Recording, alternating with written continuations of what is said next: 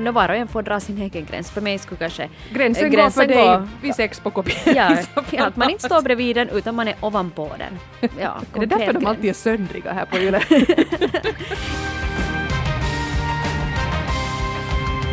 Men vad tycker du Eva, då? Var, var, var ska vi dra gränsen för vad som egentligen är otrohet? Jag tycker det där är jättesvårt. Och skulle du ha frågat mig för, för 12 år sedan så skulle jag säkert svara något helt annat än vad jag, vad jag svarar idag. Uh, för för 12 år sedan så tyckte jag nog att det var jätte, jätte svartvitt. Om man ungefär lite tittar med det öga på någon som man inte var ihop med så hade man nog varit ganska otrogen, tyckte mm. jag då. Men ja, kanske jag nu med mognad och, och lite livserfarenhet och också en bekantskapskrets som har fått lite erfarenheter uh, inte ser riktigt lika sådär tydligt på saker. Men mm. vad säger du? Nej, jag vet inte, jag tror det är just att om man är uh, ung eller inte har någon erfarenhet av sådana situationer så det är just då som man har väldigt mycket åsikter.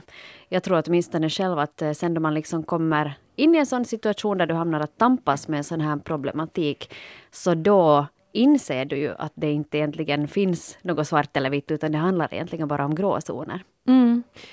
Men om man tar det så där riktigt tekniskt, vid olika liksom, är det, är det faktiskt vid flirt? Är det när man hånglar med någon? Är det, eller är det, jag menar, om man har sex med någon annan, då, då är det väl ganska klart, där har man varit otrogen. Mm. Men det, där, det är det som kommer före det som jag är lite osäker på. Och det jag tänker på ibland, nu är jag ju liksom mycket stadgad sedan länge. Vi har varit gifta i elva år och ihop i ännu flera år. Och det jag tänker liksom att att jag tror att jag skulle ta mest illa upp är ett svek som inte nödvändigtvis har så mycket med sex att göra, utan snarare kanske det där att någon annan skulle börja aspirera på att vara den som är liksom min mans eh, nummer ett sådär. Den han först vill ringa till när det händer något riktigt roligt eller när det händer något riktigt sorgligt. Om det sen skulle vara en annan kvinna som han först vill dela saker med, då ska jag känna mig mycket mer bedragen än om han nu liksom då av misstag skulle råka ha sex med någon, tror jag. Mm. Om, om man är i misstag, eller av en händelse. det är så jobbigt, råka, man ja. halkar vet du. Oops. Ja, mitt i allt så var vi i säng där på konferensen. Inte vet jag hur det gick till. Sprit var kanske lite involverat. Du ser, jag menar jag skulle säkert mm. bli jättesårad mm. av det också, men jag försöker liksom lite föreställa mig och jag tror ändå att det skulle vara värre det där mentala sveket än det fysiska. Mm. Ja, men jag kan nog förstå det där liksom, för att det är ju kanske också någonting som är längre pågående.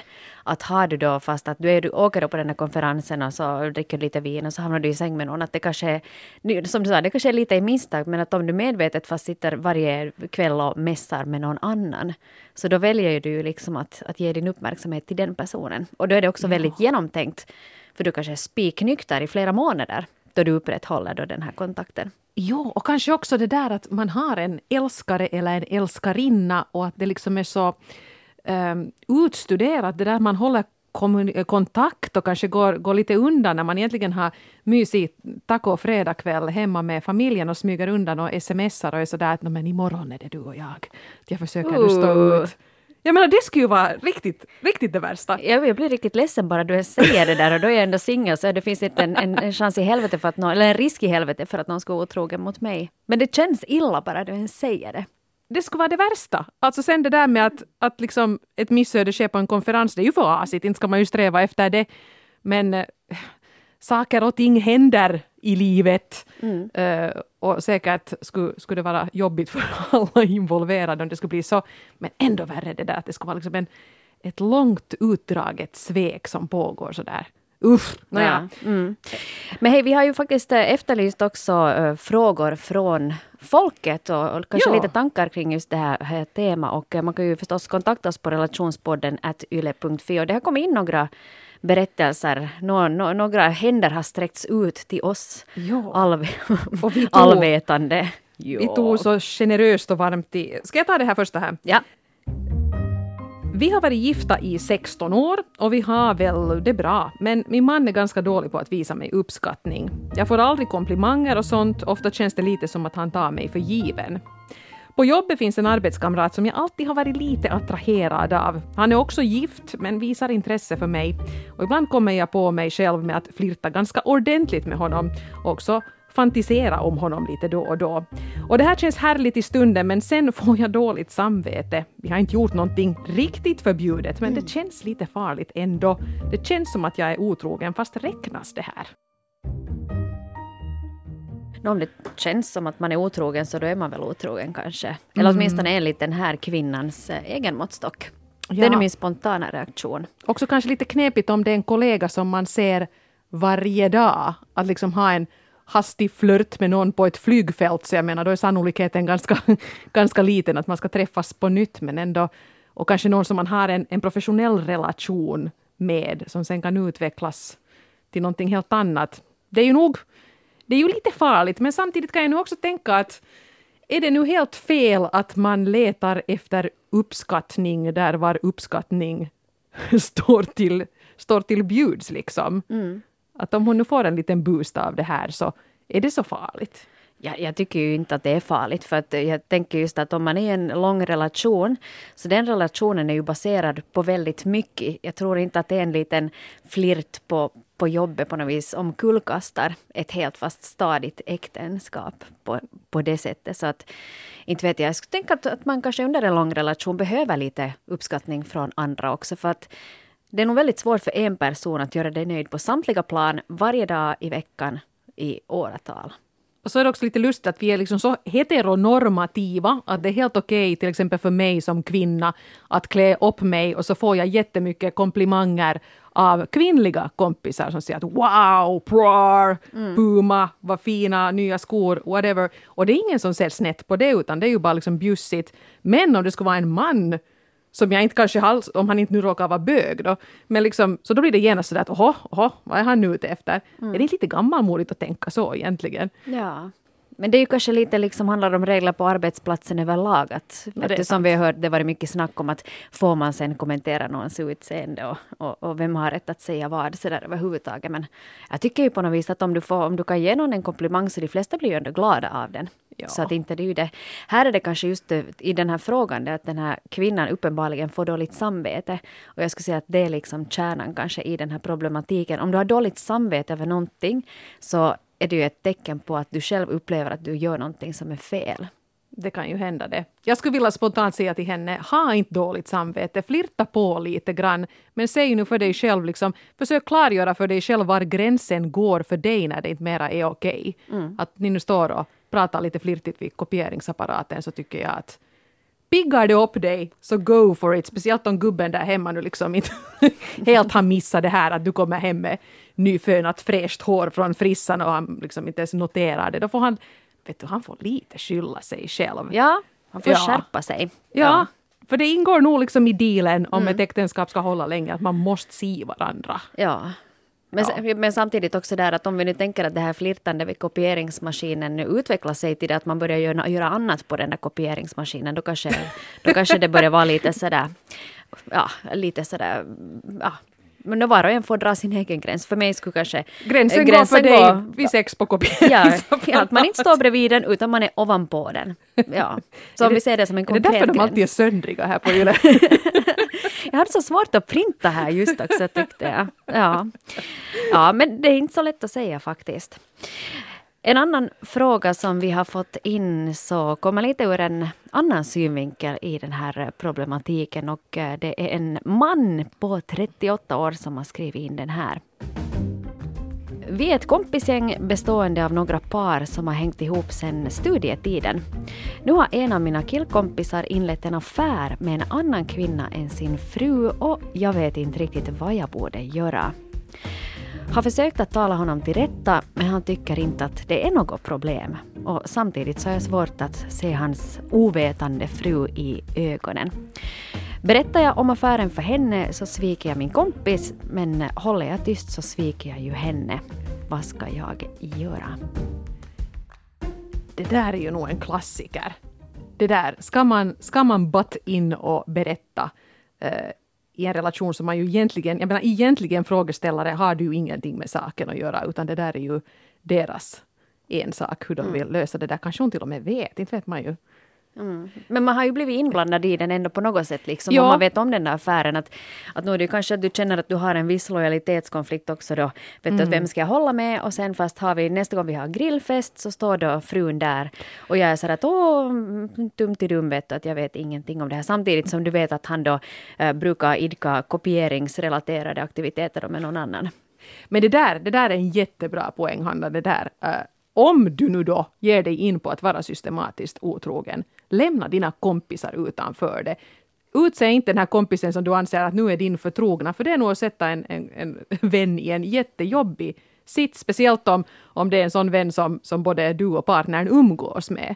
Jag har någon gång lite hamnat i den situationen, att jag har vetat lite för mycket om någon kompis eh, relationsliv och det har varit sen jätte liksom, besvärande att träffa den där, för då har jag liksom fått lite dåligt samvete att usch, nu sitter jag här och, och ser hur ni pussas och har det trevligt där. Och jag vet ju sanningen att, att den ena parten har varit otrogen upprepade gånger och jag säger ingenting om det. Men det blir, det, jag tycker det är jätteoschysst att, att jag har hamnat i den situationen. Mm. Men du sa ingenting då Nej, heller? jag sa liksom. inte. Eh, däremot så säger man ju förstås då kanske till den där vännen att hör du att jag tycker nog att det ska vara dags nu att, att come clean, eller åtminstone sluta med det här. Mm. Och då sa jag nog också att jag vill inte, jag vill inte veta mer, att nu vill jag lämnas utanför det här och vara lika ovetande som din partner om det här är något som ska fortsätta. Mm. Precis. Men ja, ehm, där måste man kanske sätta sig in i den här fruns situation, skulle man vilja veta. Nu, vill du vara liksom, om du tänker att det här är ett kompisgäng med flera par, Mm. och om en vet så kanske någon annan också börjar veta att jag tycker det skulle vara hemskt om jag är den enda som inte vet. Och jag skulle också känna mig ganska så sviken sen att om jag fast får reda på den här otroheten så vet jag då att hej, den här typen som har skrivit in det här Mm. att, att du har vetat om det här i flera månader, varför har du inte sagt någonting? Att jag har ju gått omkring här och sett ut som en fucking idiot. Bara för att du inte har sagt ens någonting eller ens gett ett tips på att det är någonting som inte stämmer. Att, att du liksom att, jag, jag tycker på något vis att, att jag skulle känna mig väldigt sviken av den Mm. här kompisen då. Jag undrar, liksom, skulle ett sånt här råd fungera för frågeställaren månne? Eh, säg en gång till till den här din manliga kompis då, att nu får det räcka och så ger du honom ett ultimatum och en deadline. Du har en vecka på att berätta till din fru själv, sen gör jag det. För då har man ju inte ändå liksom överskridit sina befogenheter på det sättet, utan man har ändå på något sätt gett den där möjligheten. Eller ni måste liksom ta upp det här till diskussion, nu gör någonting och sluta vara otrogen och liksom Men samtidigt kan man också känna sig lite som en sån relationspolis. Vet du, också sådär att, att vad har jag för rätt liksom i att lägga mig i det? här Men- kommer jag som är så felfri och Ja. moraliserar över er. För inte vet man ju heller. Det kan hända att de har ett fruktansvärt liksom, krångligt och snårigt förhållande och att den här utomäktenskapliga relationen är det som liksom får honom att orka med tillvaron. Inte vet man ju någonsin. Så jag nog, det ska nog vara ganska mycket till för att jag ska butt in i någon annans relation och, och börja på något sätt med så här avgörande saker styra och ställa. Mm. Men vad säger du här då? Jag svarade att en veckas ultimatum. Jag skulle nog säga nog i första hand prata en gång till med den här kompisen. Att vet du att nu, det här funkar inte. Du, du måste göra någonting åt det här nu. Mm. Ja, för det är ju inte rätt Ja. Mot, mot någon egentligen i den där situationen. nej, det är ju Nej. inte. Nej. Men kanske göra det en gång till och sen vet jag inte riktigt vad man ska göra efter det. Mm. Vad säger du? Ja, nå, jag tycker inte att man ska liksom understöda och hj- hjälpa till då det kommer till kompisens otrohet. Att nu Nej. tänker jag åtminstone, eller enligt min moral så är det ju fel att vara otrogen, speciellt om det är liksom långt och utdraget och utstuderat jag att det är liksom väldigt, väldigt elakt. För det är det att du liksom utnyttjar och sårar den person som ändå borde stå dig närmast. Jag tycker att det är fullständigt förkastligt. Sånt händer ibland, men att man kan alltid korrigera och liksom styra upp det då ändå. Men en sak måste jag fråga nu, nu, om vi kanske kan gå lite vidare från just den här problematiken, så är ju det att, att om du själv är otrogen då, så då kanske man tänker, eller just att vi ser den klassiska konferensen, du var på konferensen och så hamnade du i säng med någon från Norge. Och så var det färdigt och den personen får hem till Norge och du får hem till dig. Ska du då berätta det eller inte? Ja, just det ska man själv erkänna. Ja. Mm. För, för jag tänker liksom ha dåligt Ah. samvete och så tänker man att åh, det var ett stort misstag och nu ska jag liksom eh, styra upp det här. Men eh, om det var fast då en engångsföreteelse, ett lite fyllesnedsteg, så, så ska man då berätta och, och vem, vem vinner egentligen på det då sen? No, det är klart man vinner ju själv mest om man sitter där med jättedåligt samvete så är det ju skönt, skrämmande men skönt att släppa ur det här att och nu har vi inga hemligheter och nu är jag igen liksom en lite bättre människa. För jag har nog åtminstone varit uppriktig. Mm. Och då har man öst all skit över den där partnern som sitter där jätteledsen. Så jag börjar nu tänka att om man skulle ha faktiskt en, en liksom otrohetsgrej skulle ha gått så långt att man kanske börjar vara mera intresserad av den där andra, det verkligen börjar påverka den här ens befintliga relation, då angår det ju nog faktiskt partnern. Då kanske man måste liksom faktiskt come clean och säga att nu, nu, är, det, nu är det så här, mm. vad ska vi göra? Och nu måste vi hitta på någonting. Ska vi fortsätta eller, eller var, var, var tar vi det härifrån?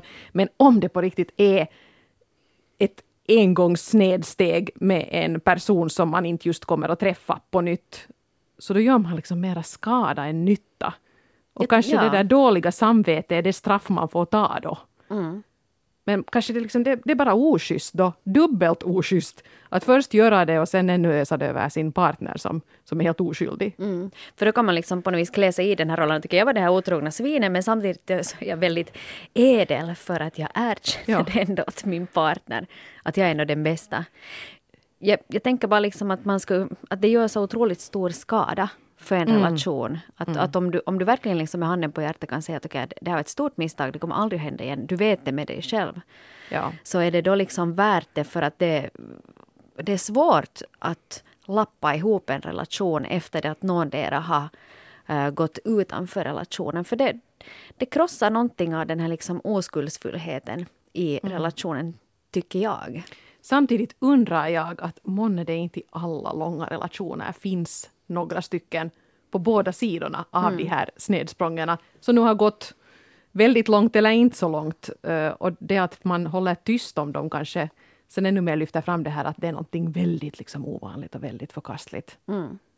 Eller sen kan det också vet du, sätta igång en sån här härlig uh, kedja av hämnd Ja, hade nämligen nu är det din tur ja. och nu är det min tur. Men jag hade det i min bekantskapskrets faktiskt, så hände det så att eh, först var den här mannen otrogen på den ja. klassiska konferens, bla bla bla, den, den svängen. Alltså det är jävla konferenserna. Det är, det konferenserna. är det någon nytta av dem alls? Jag vet inte, men ska inte man jobba på konferenser? No, tydligen inte. Hångla runt. Men i alla fall, på trycket. ja. Men där var det just att han äh, han var då otrogen på den konferensen och tydligen så var det också någonting som hade pågått lite längre den här konferensen. Han blev fast för det. Och då så blev ju frun förstås förkrossad. Samtidigt så började började hon tänka sig att, att jag har ju också den här snygga kollegan på jobbet. No, jo, att jo. han har ju gjort det en gång, att vad är om jag åker sen då? Han har ingen rätt att bli sur på mig om jag gör nej, det här nu. Nej, Precis. Och, vilket hon också gjorde. Jaha, jaha. Ja, ja, idag är de skilda. okay, men no. liksom att det kan ju också bli till det där att om du har gjort det en gång så kommer du alltid att vara den som är liksom the bad guy i förhållande. Det finns alltid där. Vet du att då, på ett sätt kanske det är bara, okej, okay, nu har du gjort, vet du, det är lättare att det är 1-1 ja. än att det är 1-0. Nu, har helt rätt. Jag uppmuntrar ju inte till sån här kedjehämndreaktion. Men jag ser det som ett möjligt scenario. Ja. Nej men det är ju snårigt. Men en, en det här lite intressant grej här. Jag, jag läste en artikel i uh, Marie Claire, tror jag det var. Uh, det var en intervju med den här Esther Perel som är sån här kändis uh, parterapeut i USA. Eh, och hon hade en ganska intressant poäng med det här med, om man ställer sig frågan varför är vi egentligen otrogna? Och hon såg det här från en lite annan synvinkel, för att jag har kanske alltid trott att man är otrogen då när man är lite olycklig i sitt förhållande. Eller någonting fattas, eller man är lite missnöjd med sin partner, eller man har lite tråkigt. Men enligt henne så blir det, speciellt bland kvinnor, väldigt mycket vanligare det här att man är otrogen, inte för att man är missnöjd med partnern, utan för att man är missnöjd med den man själv har blivit i den här relationen. Man kanske lite har slutat bry sig om sig själv eller hur man ser ut eller vad man är bra på, utan man bara kanske har en sån här vardagslunk på med familj och så här. Och så kan det hända att man har en flirt med någon som på något sätt väcker till liv en person som man var någon gång i tiderna, kanske då när man träffade sin nuvarande man. När man var lite sådär åtrådd och eftertraktad och snygg och kände sig liksom lite bra. Och det är det att en sån här flirt då kan trigga igång det här som sen kan leda till otrogen, att man är otrogen. Men det har liksom inte någonting att göra med att tydligen är det vanligare enligt Esther Perel att kvinnor i lyckliga relationer är otrogna just av den här anledningen. tycker jag är intressant. Jag måste säga att jag är väldigt förvånad över att det är just de lyckliga kvinnorna som är otrogna. Men samtidigt så förstår jag ju nog det där. För det blir ju lätt att man kanske tappar bort sig i en lång relation just. Och sen att då du mitt i allt kan spegla dig själv i någon annans beundrande blick. Ja.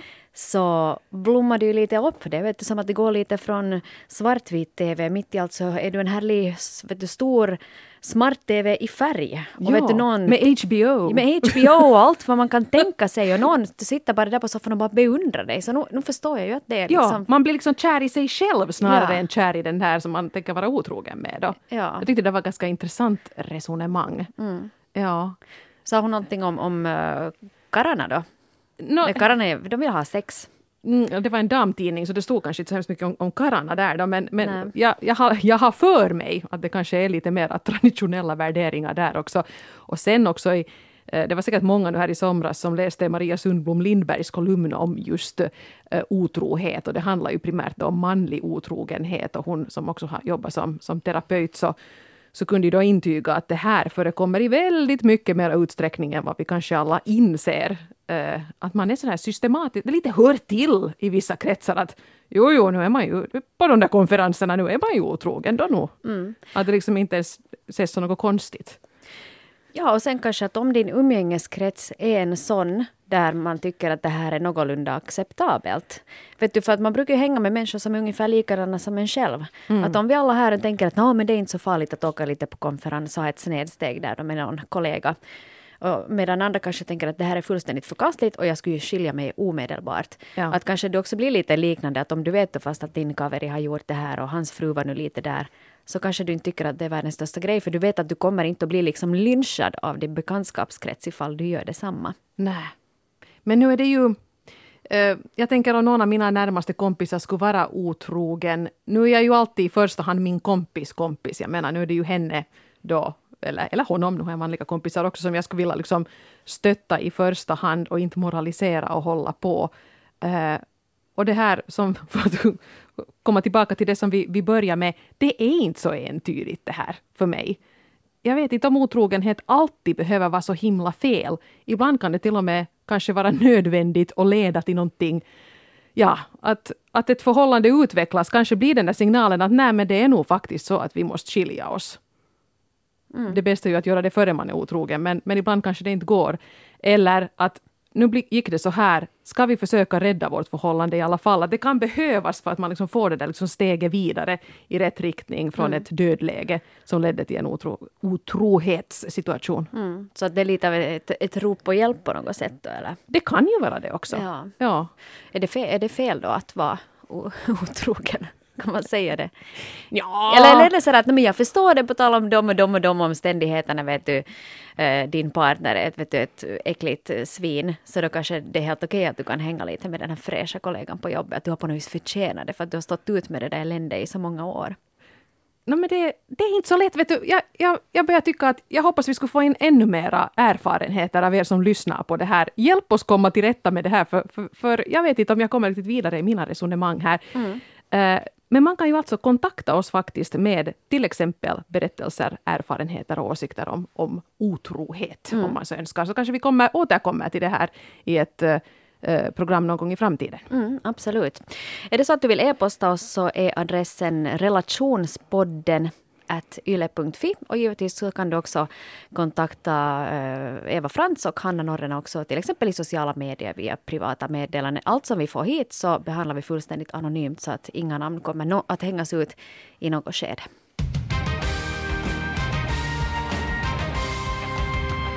Nästa vecka då kommer vi att prata om någonting helt annat. Vi kommer att ställa oss frågan hur gör man slut med en kompis? Kan man göra slut med en kompis? Mm. Jag har nog varit väldigt nära åtminstone att göra slut med en kompis. Ja, och en kompis har gjort slut med mig.